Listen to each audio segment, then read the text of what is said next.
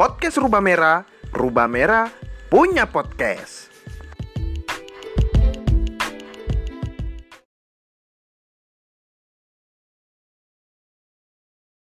Sudah lama ya eh, tidak mendengar karya sastra ataupun mendengar podcastnya dari Rubah Merah. Ya, kali ini saya akan membacakan judul cerpen Orang Istimewa, buku klasik eh, kumpulan cerpen yang berjudul Jalur Membenam karya Wildan Yatim. Eh, Wildan Yatim ini dilahirkan di Padang Sidempuan, Tapanuli, Cerita-cerita pendeknya dimuat dalam beberapa majalah di Jakarta dan Bandung. Cerpen Surau Baru mendapat hadiah penghargaan redaksi majalah Sastra Horizon. Nah, di samping itu juga ia menulis isai-isai kebudayaan dan buku pelajaran dalam bidang biologi. Ya, Wildan Yatim bekerja sebagai dosen biologi pada Fakultas Kedokteran Universitas Pajajaran Bandung. Kumpulan cerita pendek jalur membenam merupakan yang pertama yang sudah dibukukan. Penerbitnya Tinta Mas Jakarta. Bukunya diterbitkan pada tahun 1977.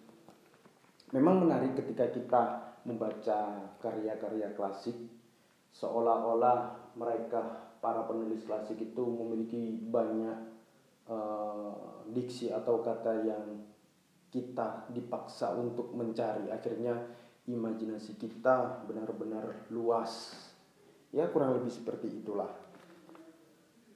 E, tidak lama-lama saya akan membacakan salah satu cerpen yang berjudul Orang Istimewa bagian pertama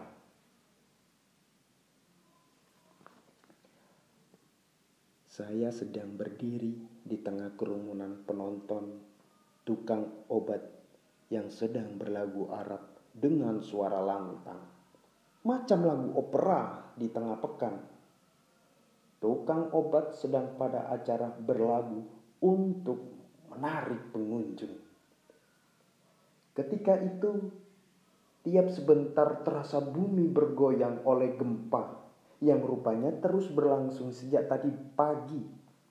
Berhenti sebentar, datang lagi tapi karena gempa itu tak kuat orang pekan tak peduli. Tukang obat dan pengunjung pun tak peduli. Ia berlagu terus. Pintar juga dia menarik pengunjung kampung yang fanatik agama ini. Pikir saya. Satu-satu mengerti juga saya akan buah lagu itu.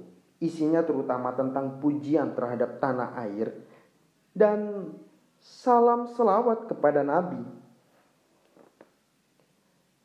Mendadak saya dengar seruan-seruan dari arah pasar sayur. Nampaklah seorang laki berpakaian seragam giugun diikuti kerumunan kanak-kanak. Sebentar-sebentar, orang itu mencorong kedua tangan di mulut dan berseru-seru. Setelah dekat di kerumunan tukang obat, barulah jelas apa yang diserukan. Mosi, Mosi, Mosi, Mosi. Pemuda dan orang tua kumpul di sekolah Muhammadiyah. Ada pengumuman penting. Mosi, Mosi, Mosi, Mosi. Kumpul di sekolah Muhammadiyah. Ia membelok ke arah depan kantor kenegerian dan meneruskan seruan-seruan. Anak-anak yang mengiringkan makin panjang juga di belakangnya. Itulah Kahar.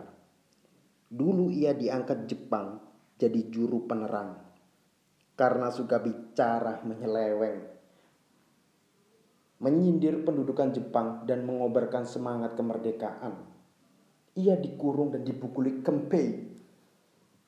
Habis itu ia muncul dalam keadaan miring Mundar mandir seperti seorang tentara Gyugun. Topinya, celananya, kemejanya, sepatunya, bayonetnya persis tentara Gyugun. Cuma saja ia tak bisa jadi Gyugun benar. Karena saya dengar, karena ia telah dewasa benar dan telah beranak pinak.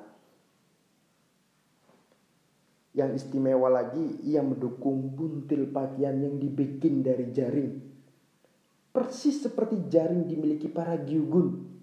Jaring macam ini bisa dipakai melekatkan daun pada topi wajah untuk samaran dalam pertempuran. Tapi jaring buntil ini dua tiga kali lebih besar karena dari jaring segala tetek bengek dalam buntil jelas terlihat. Dalam buntil kahar, kelihatan jelas selimut, buku notes, sestel, pakaian, sarung, senter, pelpes, sandal, dan yang terus-menerus membuat saya dan rekan tersenyum ialah potlot pendek yang ujungnya disambung dengan gulungan kertas. Perhatian saya sesungguhnya kembali beralih kepada lagu tukang obat yang merdu itu. Apalagi anak buahnya pandai pula meningkahi dengan gitar. Mendadak bau saya ditepis dari belakang. Oh my, kata orang itu. Saya lihat kahar sendiri dan mata kami beradu pandang Nonton tukang bohong tidak bagus dia nak. Ayo dengar pengumuman penting. Pengumuman penting. Saya pun menarik tangan adik saya dan mengikuti kerumunan anak-anak di belakang kahar. Seperti sampah terseret hanyut dari tepi sungai atau seperti semut yang tertarik akan barisan teman. Begitu pula lah rombongan anak-anak itu makin ke hilir dan makin jauh meninggalkan pekan. Kerumunan yang mengiring kerumunan yang mengiringi dia di belakang makin panjang dan makin tebal. Makin panjang kerumunan, makin banyak pula kepala berjuluran dari jendela dan pintu rumah sepanjang tepi jalan. Ketika saya tolek ke belakang, rupanya banyak pula orang tua ikut cuma perempuan yang tak ada sepotong pun. Mungkin mereka takut akan dikerasi kahar. Sesungguhnya meski kahar miring, ia belum pernah berlaku kasar seperti kaum miring umumnya. Apalagi orang yang benar-benar gila. Mereka itu suka merusak, menari, dan bernyanyi ke sana kemari. Tapi kahar tidak. Kahar miring istimewa. Karena hmm, karena ia seorang intelek di kampung. Ia kami sebut pula miring intelek. Pada masa Belanda dan ketika Jepang baru masuk ia dikenal orang pandai ahli pidato yang lincah, dan seorang pengarang pula. Saya tahu pasti ada sebuah romannya yang pernah terbit di Medan. Dan di rumahnya sendiri banyak buku roman semacam itu. Sebelum Jepang masuk, saya dengar ia sudah hampir siap menyusun roman baru dan mau dikirim kepada penerbit. Tapi keburu suasana kacau sebagai seorang intelek ia berbeda pula dari yang lain yang umumnya bekerja jadi guru, pegawai kantor, atau saudagar sekurangnya. Tapi ia tidak. Bertani juga tidak. Ia hanya menjadi tukang obat. Tapi tukang obatnya bukan sembarang. Dapat disebut tukang obat intelek pula. Mirip mantri yang disebut orang sekarang ia menjual obat berkeliling negeri tiap hari pekan. Tanpa pidato, dia menjajakan obat itu. Meski ia pintar pidato dan kata orang Soekarno sajalah tandingannya, tidak pula menarik pengunjung pekan dengan cara main sulap atau berlagu seperti tukang obat tadi di pasar. Ia diam, membentang dagangan di tengah pasar dan menerangkan dengan tenang akan kegunaan atau cara pemakaian suatu obat kepada seorang pengunjung. Obat-obatnya pun diramu secara intelek. Bukan ramuan palsu, jambi-jambi, atau jamu yang mengaduk segala daun dan akar tanpa spesialisasi. Kata orang, bahan obat itu dia kumpulkan persis seperti obat-obat yang ada di rumah sakit. Obat demam umpamanya betul-betul terasa pahit, semacam bubuk kinang. Obat mencret dia kasih norit atau tabonal, obat tukak salap dan sebagainya. Pokoknya dia tukang obat intelek lah. Sekarang kami pun sampailah di gedung sekolah. Sekolah itu waktu pekan sesungguhnya tidak dibuka, tapi pintunya selalu terbuka. Kerumunan pun berdentang-dentunglah masuk. Duduk semua, duduk semua, tenang. Kahar berseru. Ia berdiri di depan papan tulis dan karena papan itu penuh tulisan Arab bekas pelajaran hadis. Kemarin ia pun menghapusnya dulu Sambil menepas-nepaskan kedua tapak tangan, ia memicing dan mengerutkan bibir dan kening. Buntil jaringannya tetap di punggung. Saudara-saudara, katanya, hari ini ada berita besar. Berita yang amat penting. Hanya dia yang suka memanggil hadirin dengan saudara. Selama ini guru mubalik atau ulama biasa memanggil dengan ibu bapak atau tuan nyonya saja. Tapi Kahar tidak. Saudara-saudara, katanya. Hari ini ada berita besar. Ia menggambar di papan tulis. Jangan-jangan dia ini hanya bermain-main. Untuk kami anak-anak tak jadi apa. Tapi bersama kami di situ ada puluhan orang dewasa yang mau tahu akan isi pengumuman kahar yang katanya amat penting itu. Saya perhatikan gambar itu. Nampaknya gambar seorang laki-laki. Hingga dada seperti orang barat. Hidung. Hidung orang itu digambar kahar mancung sekali dan agak bengkok, mirip hidung orang Arab. Sekarang ia mengambil tongkat penunjuk yang terbikin dari batang kopi dan mengetok-ngetok di papan. Riat sini kah, riat sini kah, katanya. Ini kenarka, ini kenarka. Semua diam. Tak kenar, bagero, bagero. Semua tetap diam. Alah, ini kapitalis imperialis nah, Presiden Amerika nah, Roosevelt nah, sudah mampus. Mampus beberapa hari lampau. Hura, bansai. Bansai daitoa. Hidup Asia Timur Raya. Hidup Nippon Indonesia. Bansai, bansai, bansai. Tangannya diacukan. Saya dengan beberapa kawan di sebelah ikut pula berteriak dan mengacungkan tangan. Bansai, bansai, bansai. Ada pula yang menggendangi meja. Tapi orang tua di belakang saya melihat diam-diam saja. Sesungguhnya hati saya pun kesal mengucapkan bansai. Karena meski saya lancar bicara Jepang dan menulis katakana di sekolah, tapi belakangan jadi benci sejak tahu bahwa ayah saya dan laki-laki dewasa lain di kampung takut berjalan siang hari. Di jalan besar karena khawatir diangkut beramai-ramai naik truk ke Logas sebagai pekerja Romusa. Dan semua orang dikerahkan dan dialihkan perhatiannya untuk membuat kain kulit kayu atau menahan jarak saja sehingga tak bisa mengerjakan sawah ladang dan makin dalam lagi jatuh melarat.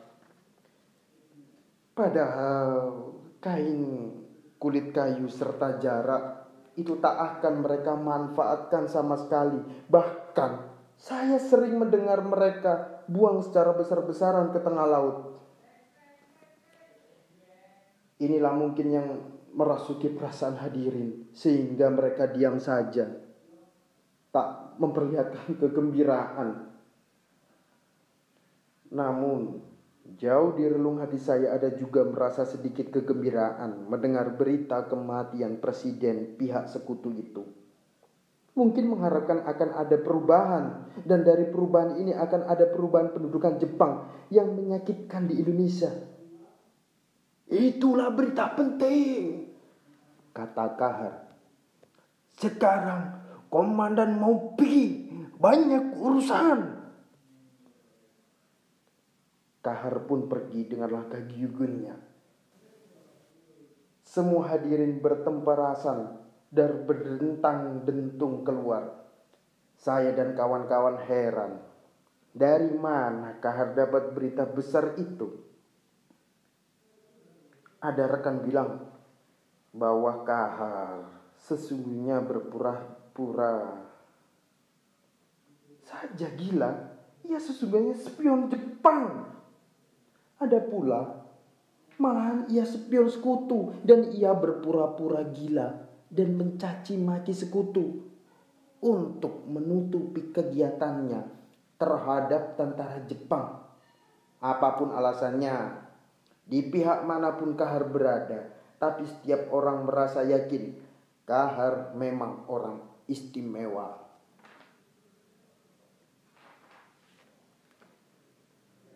Bagian 2 Saya sedang asik menindasi Tuma pada selimut kulit kayu tebal dan baju katun saya yang sudah penuh tambal tapi robek terus.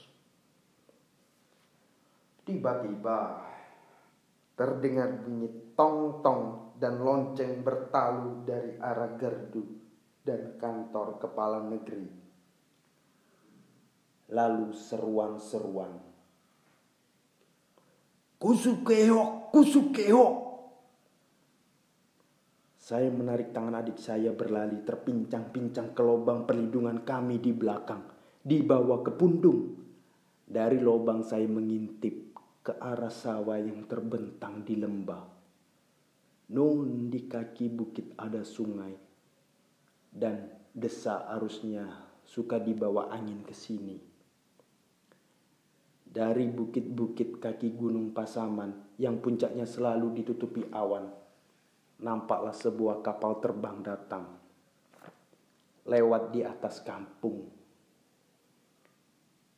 Ketika persis di atas pohon kepundung, saya lihat sayapnya bertanda bundar besar. Hoti! Rupanya kapal Jepang sendiri, kata saya. Ayolah keluar. Kalau begitu bang, masa Jepang ingin membomi kita? Tunggulah. Siapa tahu kapal sekutu menyamar dan nanti kita dimarahi Kaibodan. Lihat itu, ada Kaibodan datang. Ada Kaibodan datang. Rupanya bukan Kaibodan, tapi Kahar. Ia sedang lalu di samping surau beberapa puluh meter dari rumah kami. Bukan Kaibodan, Bang. Kahar. Bibir adik saya pucat. Ayo cepat bersembunyi di rumah. Serentak terdengar bunyi tong-tong dan lonceng aman, meski bunyi kapal itu masih terdengar mengalun, hilang timbul. Kami keluar dan berlari ke beranda. Kami berbuat seperti tak melihat kahar datang, lalu ingin menguncikan pintu, tapi sudah kasip. Omaiwa! Teriaknya. Ia memanggil saya. Adik saya berdiri seperti kena sipongan. Sebentar saja ia telah berdiri di kaki jenjang. Seperti biasa, kini ia pun berpakaian giuyun dan mendukung buntil jari. Namda kori bagi umi. Karu komandan datang berdiri dan kasih hormat nah. Saya dan adik saya yang bersandar pada dada di bendul beranda berdiri sikap dan memberi hormat cara Jepang, yakni membungkuk. Kiri, saya. Nah, bagus dan nah. Ia mendekati saya dan menepuk pundak saya lantas mengusapi kepala saya yang hanya ditumbuhi rambut sepanjang beberapa mili. Indonesia harus patuh na. Karu tidak patuh potong na, potong na. Ia berkedik pinggang di pintu dan melihat ke dalam. Tadi kusukeo ada masuk robang kah? Masuk? Sahut saya. Ah, bagus dana. Indonesia bagus na. Indonesia patuh na. Karu tidak patuh. Kempe potong na. Potong na. Ia merentang tangan dan menetapkannya di kuduk. Potong na. Saya dan adik saya mukti mengikutkan arah pandangnya. Ada telur ayam kah? Tidak ada. Ayam kami sudah berhenti bertebur. Wakarimasenka. Bonga. Sama dan tabore bonga. Indonesia harus patuna. Tidak patuna. Kempe potongna. Kalau tak percaya, lihat sendiri ke sangkar. Komandan mau riak ia turun dari pergi ke belakang. Di bawah nangka, di bawah nangka Belanda ada bangunan kecil beratap ijuk yang terdiri atas dua bagian. Bagian bawah berlantai tanah, sebagai kandang, bagian atas tak berdinding. Di situ ada tiga sangkar diikatkan pada tiang ia membungkuk di bawah atap dan meneliti. Sangkar yang berisi hanya satu, yakni ayam burik mukti yang sedang mengeram. Dia angkat ayam itu. Ayam itu pun marah dan mematuk. Cepat dia ambil sebutir telur sambil sambil melangkah kembali ke depan. Ia meneliti telur itu dengan mengekerkannya ke sinar matahari. Ia tersentak berhenti melangkah ketika seekor bangkarung jatuh berdebuk di depannya. Ia melihat ke atas pohon kelapa di atas dan bengkarung itu hampir saja terinjak. Saya menahan senyum. Sesudah pusingnya hilang, barulah binatang itu berlari ke celah rumput. Kahar pun mendekat Bibirnya masih pucat karena terkejut tadi. Ini teror masih bagus, Dana. Arigato gozaimasu. Ia memasukkannya ke dalam saku celana. Ketika mau membalik ingin pergi, matanya menyangkut pada tadahan pasir di kaki jenjang. Garam manakah? Lalu melotot kepada saya.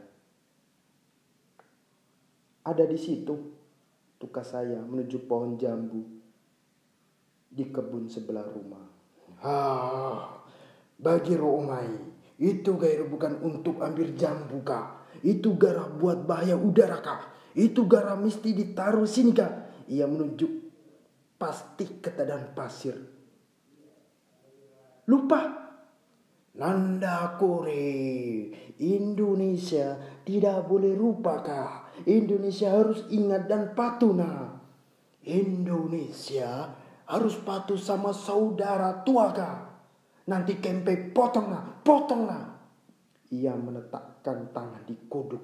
Potonglah. Ya, ya. Sebentar aku ambil. Sudeska, komandan pergi sekarang. Banyak urusan. Sampai dekat surau dan hilang timbul di celah pohon. Gaya langkahnya seperti Gyugyun. Masih nampak dan butil jaringnya yang terangguk-angguk. Bagian 3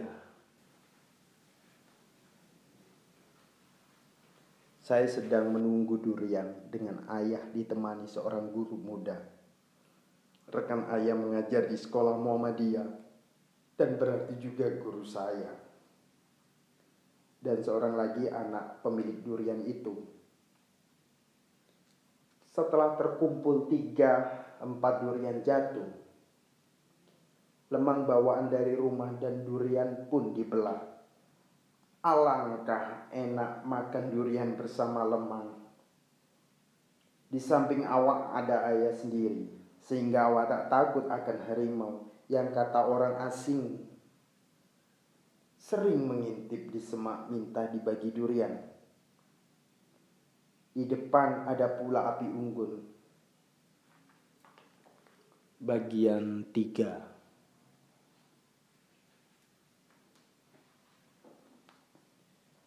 Saya sedang menunggu durian dengan ayah ditemani seorang guru muda, rekan ayah mengajar di sekolah Muhammadiyah. Dan berarti juga guru saya. Dan seorang lagi anak pemilik durian itu. Setelah terkumpul tiga, empat durian jatuh. Lemang bawaan dari rumah dan durian pun dibelah Alangkah enak makan durian bersama lemang. Di samping awak ada ayah sendiri, sehingga awak tak takut akan harimau yang kata orang sering mengintip di semak, minta dibagi durian. Di depan ada pula api unggun menghangatkan tubuh dan bunyi ranting yang berdetas-detis serasa menghibur kita oleh gangguan dendang, jangkrik, dan katak. Kalau ada durian jatuh dan bunyinya gemerepas dan berdebum di tanah, Piko, anak empunya durian, menghentikan suapan, menghidupkan sulu daun kelapa, dan pergi memungut. Sedang asik makan dari jalan arah ke kampung terdengar seruan seperti memanggil Piko. Piko pun melangkah ke balik pondok di pangkal durian. Siapa itu? Serunya. Seperti suara manti mali. Kata ayah. Mau apa dia? Oh, Mak Malin kata Piku. Mari sekalian makan lemang. Laki-laki bersarung dan berkopiah lusuh muncul bersama Piko. Sarungnya diselempangkan seperti kami semua.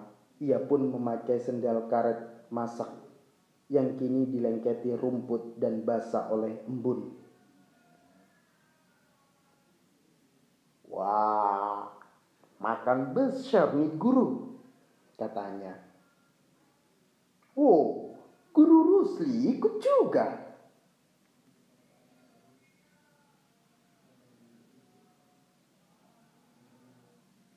Ia jongkok lalu menjangkau sekerat lemang dengan tangan kanan dan biji durian dengan tangan kiri. Ada berita besar guru, katanya sambil menjilati daging durian yang lengket di jari. Syukur, Alhamdulillah guru, Jepang sudah menyerah pada sekutu. Indonesia telah merdeka. Betul? Apa mungkin Jepang dikalahkan sekutu? Indonesia merdeka.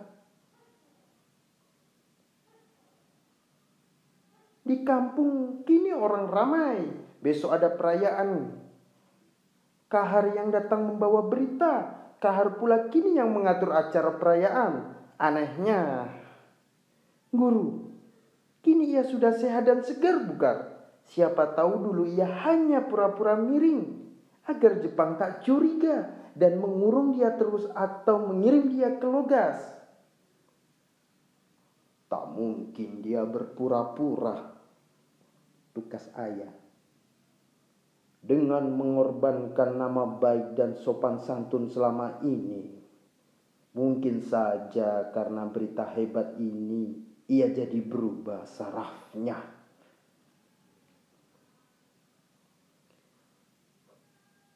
Kalau sudah merdeka, berarti raja kita orang kita sendiri bukan ayah. Saling saya. Yapin, tukas malin Katanya Soekarno-Hatta panggilannya presiden dan wakil presiden. Hatta? Tanya saya. Bukankah gambar Dr. Andes Hatta yang saya beri bingkai dan berkaca bulan lalu dan saya gantung di kamar saya? Ayah kira itulah dia. Ayah tersenyum kepada saya. Sudah lama kejadian itu kata Kahar Malin. Kira-kira dua minggu lampau. Tentara Jepang kata Kahar sudah tak ada lagi di daerah ini. Kalau begitu, kita berubah rencana Guru Rusli kata ayah kepada guru muda saya itu. Piko, kita tak jadi berjaga semalam di sini. Kukira kamu pulang saja sekarang. Maksud datang ke sini juga begitu, guru. Karena engkau guru, ku dengar diikutkan dalam panitia. Memimpin murid sekolah Muhammadiyah ikut perayaan murid sekolah perti akan ikut pula. Sekarang anak-anak muda sibuk berlatih di pasar sayur. Berlatih apa? Masa orang seperti aku ini ikut pula berlatih? Berlatih berbaris, pandu ansor, dan Hizbul Waton diaktifkan kembali. Kebetulan dua pandu Hizbul Waton kita dulu, Amran dan Mislam, bisa memimpin anak-anak belajar berbaris. Wah, hebatlah guru. Mereka berbaris-baris kini dengan iringan trompet. Ayolah ya, desak saya. Ayolah guru, kita segera pulang. Saya ingin melihat segera. Ya, kau bawa durian ini satu kata ayah. Aku bawa dua, kau masih tinggal di sini, Malin. Nanti Malin melulur gumpalan lemang cepat, mengangguk. Sebentar lagi aku datang dengan Piko. Dululah guru.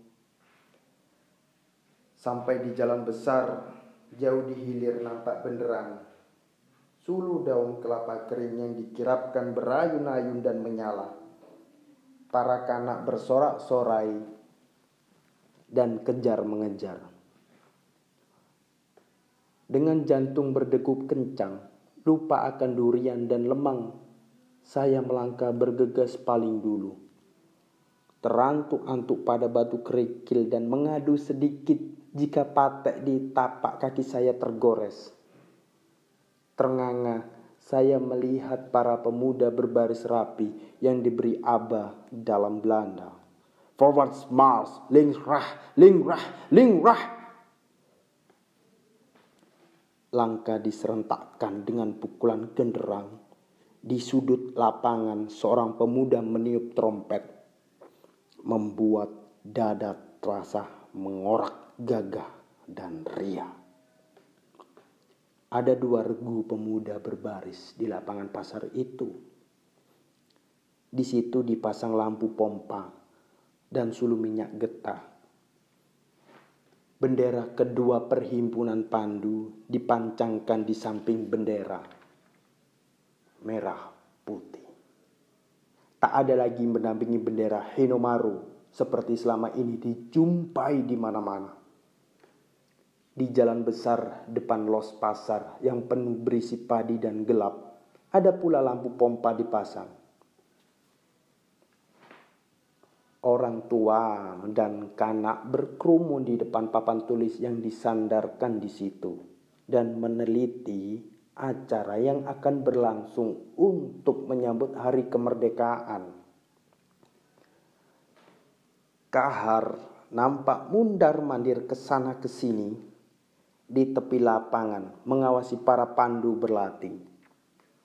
Wajahnya begitu gembira dan berminyak-minyak oleh peluh Tak ada lagi pakaian gigunnya, tak ada lagi buntil jaringnya.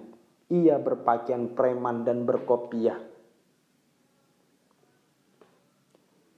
Keesokan harinya, sejak senja, orang sibuk mengatur men, mengatur meja di lapangan pasar sayur. Di empat pintu gerbang ke lapangan dipasang gabah dari daun kelapa muda. Di atas susunan meja terentang tali temali yang digantung hiasan bunga, kertas, dan pita kertas merah putih. Di tiang-tiang diikatkan bunga dan daunan dan bendera kebangsaan sendiri dicucukkan bersilangan di situ. Sepanjang pinggir lapangan berderet suluh minyak getah, asapnya yang hitam tebal menabur lelatu ke atas pondok dagangan yang beratap lalang atau rumbia. Lima lampu petromak berdesah pada tiang bambu di atas deretan meja. Segala taplak yang bagus di kampung dikumpulkan dan dipasang. Pot bunga yang selama ini tersimpan di lemari dan para kanak tak pernah tahu untuk apa ini dikeluarkan dan disusun di meja. Satu-satu para tamu muncul, lalu mengambil tempat duduk. Sorak, gelap, dan tepuk tangan seperti tumbuh kembali merangkak ke mana-mana. Genderang dan suling menghibur yang datang. Suling itu juga melakukan lagu-lagu Mars Belanda. Tak ada satupun lagu Jepang Pukul delapan tepat semua kursi terisilah. Hampir semua yang duduk di situ berkopiah dan berjas. Wajah mereka berminyak-minyak. Seorang pemuda bekas ketua Senendan dan yang suka pidato dalam pengajian dengan menyelip-nyelipkan kata-kata Jepang berdiri di tengah deretan meja. Mendem, tersenyum lebar, melirik kertas di tangan lalu membuka acara. Para kanak yang duduk di bangku panjang di belakang tak puas akan luas pandangan sehingga banyak yang berdiri atau memanjat ke bubungan pondok warung. Sekarang berdirilah seorang gagah memakai dasi lebar. Di saku kiri jasnya ada lencana, lencana merah putih. Semua orang tentulah heran melihat dia. Karena orang itu tak lain dari kahar. Tiada sisa kemiringan pun nampak wajahnya. Ia berpidato berapi-api. Membentangkan kehancuran dari Nippon dalam perang Pasifik. Karena dijatuhkannya bom atom di Hiroshima dan Nagasaki.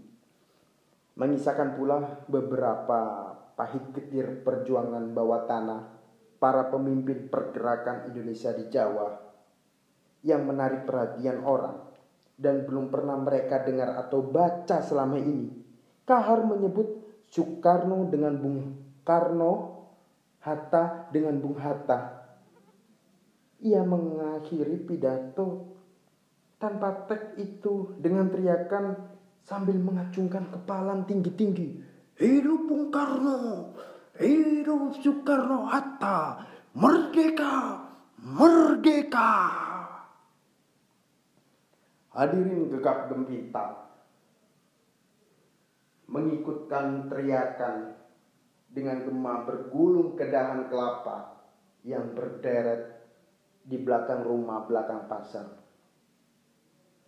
Saya berdiri di atas meja pondok dagangan. Yakin sekarang bahwa Kahar memang orang istimewa. Dan pantaslah ia menyebut dirinya banyak urusan. Kelakuannya yang buruk selama ini di antaranya dengan membentaki anak-anak, termasuk saya, dan pernah mencuri telur ayam adik saya, tak pantas diingat lagi. Berikutnya berpidato pula Ketua Muhammadiyah ketua perti, kepala-kepala sekolah, dan dihadir oleh kepala negeri. Ia berpidato singkat dan bersuara kecil saja dan hadirin tak ramai bertepuk untuk dia. Mungkin karena dia ialah lurah peninggalan Belanda. Dan karena dialah pikir orang maka Los Pasar bisa penuh dengan padi penduduk. Sedangkan mana-mana orang kebanyakan makan ubi, talas, jagung, dan kelapa muda. Habis acara sambutan, hadirin disuruh berdiri. Sementara bendera kebangsaan ditarik ke atas oleh dua orang pandu. Hadirin menyanyikan lagu Indonesia Raya sambil memegang teks. Malam itu Orang melakukan seluruh untayan lagu yang panjang itu. Ayah berdiri dekat Kahar dan mereka berdua nampak begitu bersemangat bernyanyi. Acara berikut ialah minum-minum, minuman serbat dan limun kampung diadarkan, pisang goreng dan ubi. Barisan pandu pawai keliling lapangan pasar, diiringi genderang dan trompet Akhir acara protokol berdiri. Saya tak mendengar apa katanya, tapi tiba-tiba Kahar berdiri lagi di podium.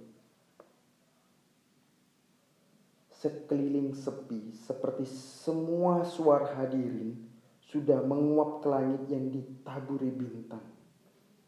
Kahar berteriak, Saudara-saudara tercinta sebangsa dan setanah air.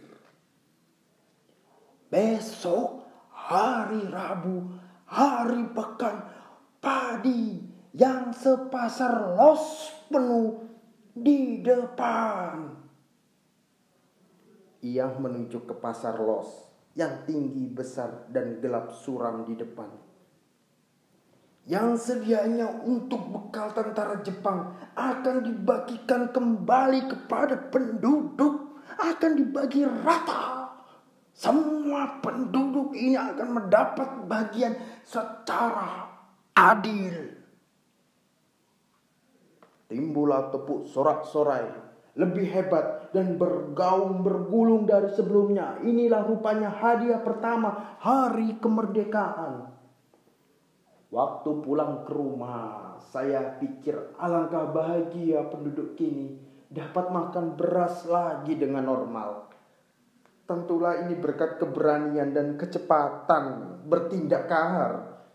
Kepala negeri sendiri tidak seberani itu. Memang kahar orang istimewa. Pantaslah ia menyebut banyak urusan.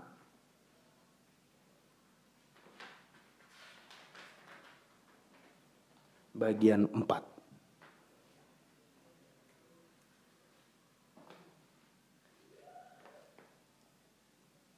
Minggu lampau habis urus apa-apa saya jalan-jalan melancong di pasar Senen Jakarta.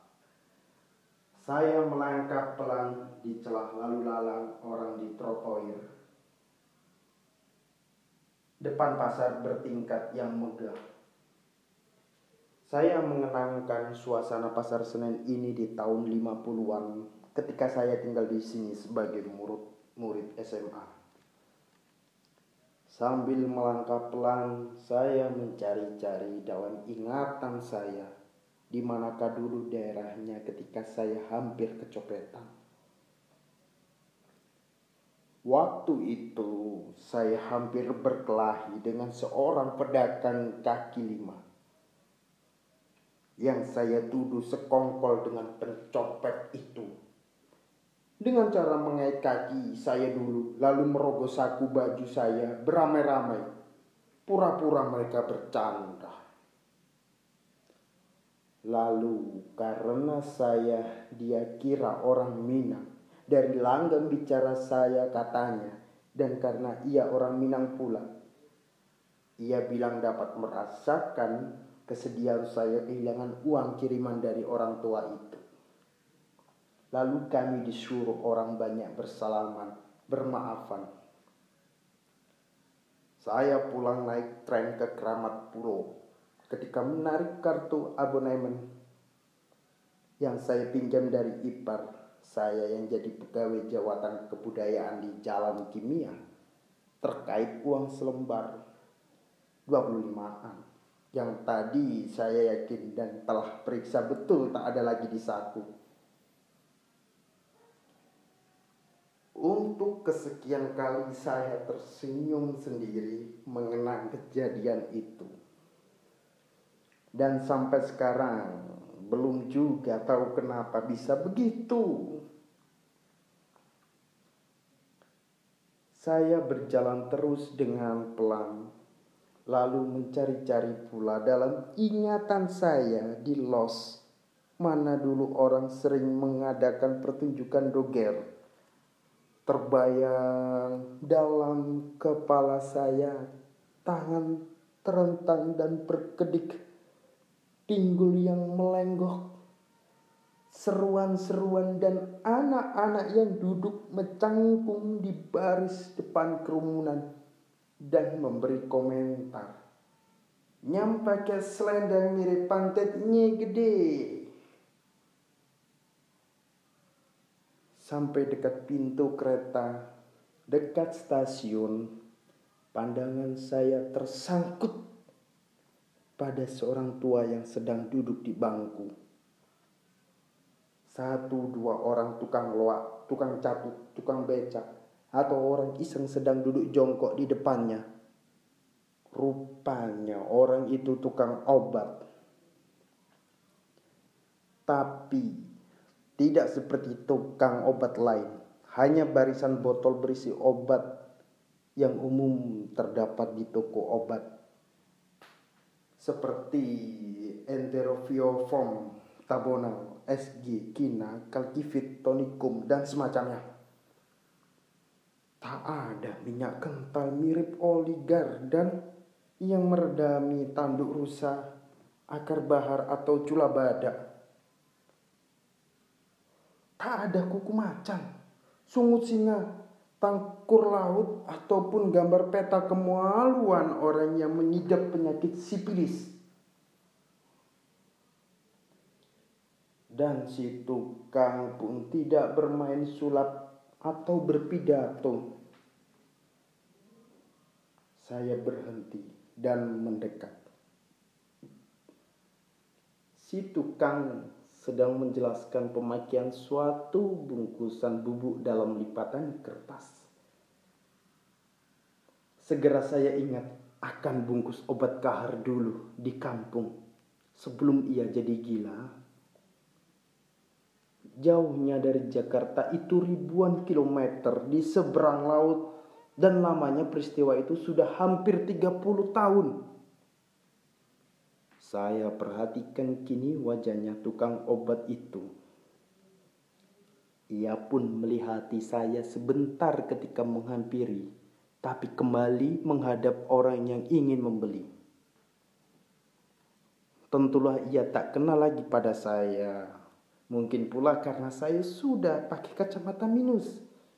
Sejak saya pernah jatuh di tentang belakang kepala dengan amat kerasnya ketika sport dulu waktu mahasiswa dan beberapa tahun kemudian menjelang saya sarjana penglihatan saya mulai kabur untuk mengamati benda jauh tapi saya sendiri dapat mengenali dia sudah tua dia Ubannya tak banyak rupanya.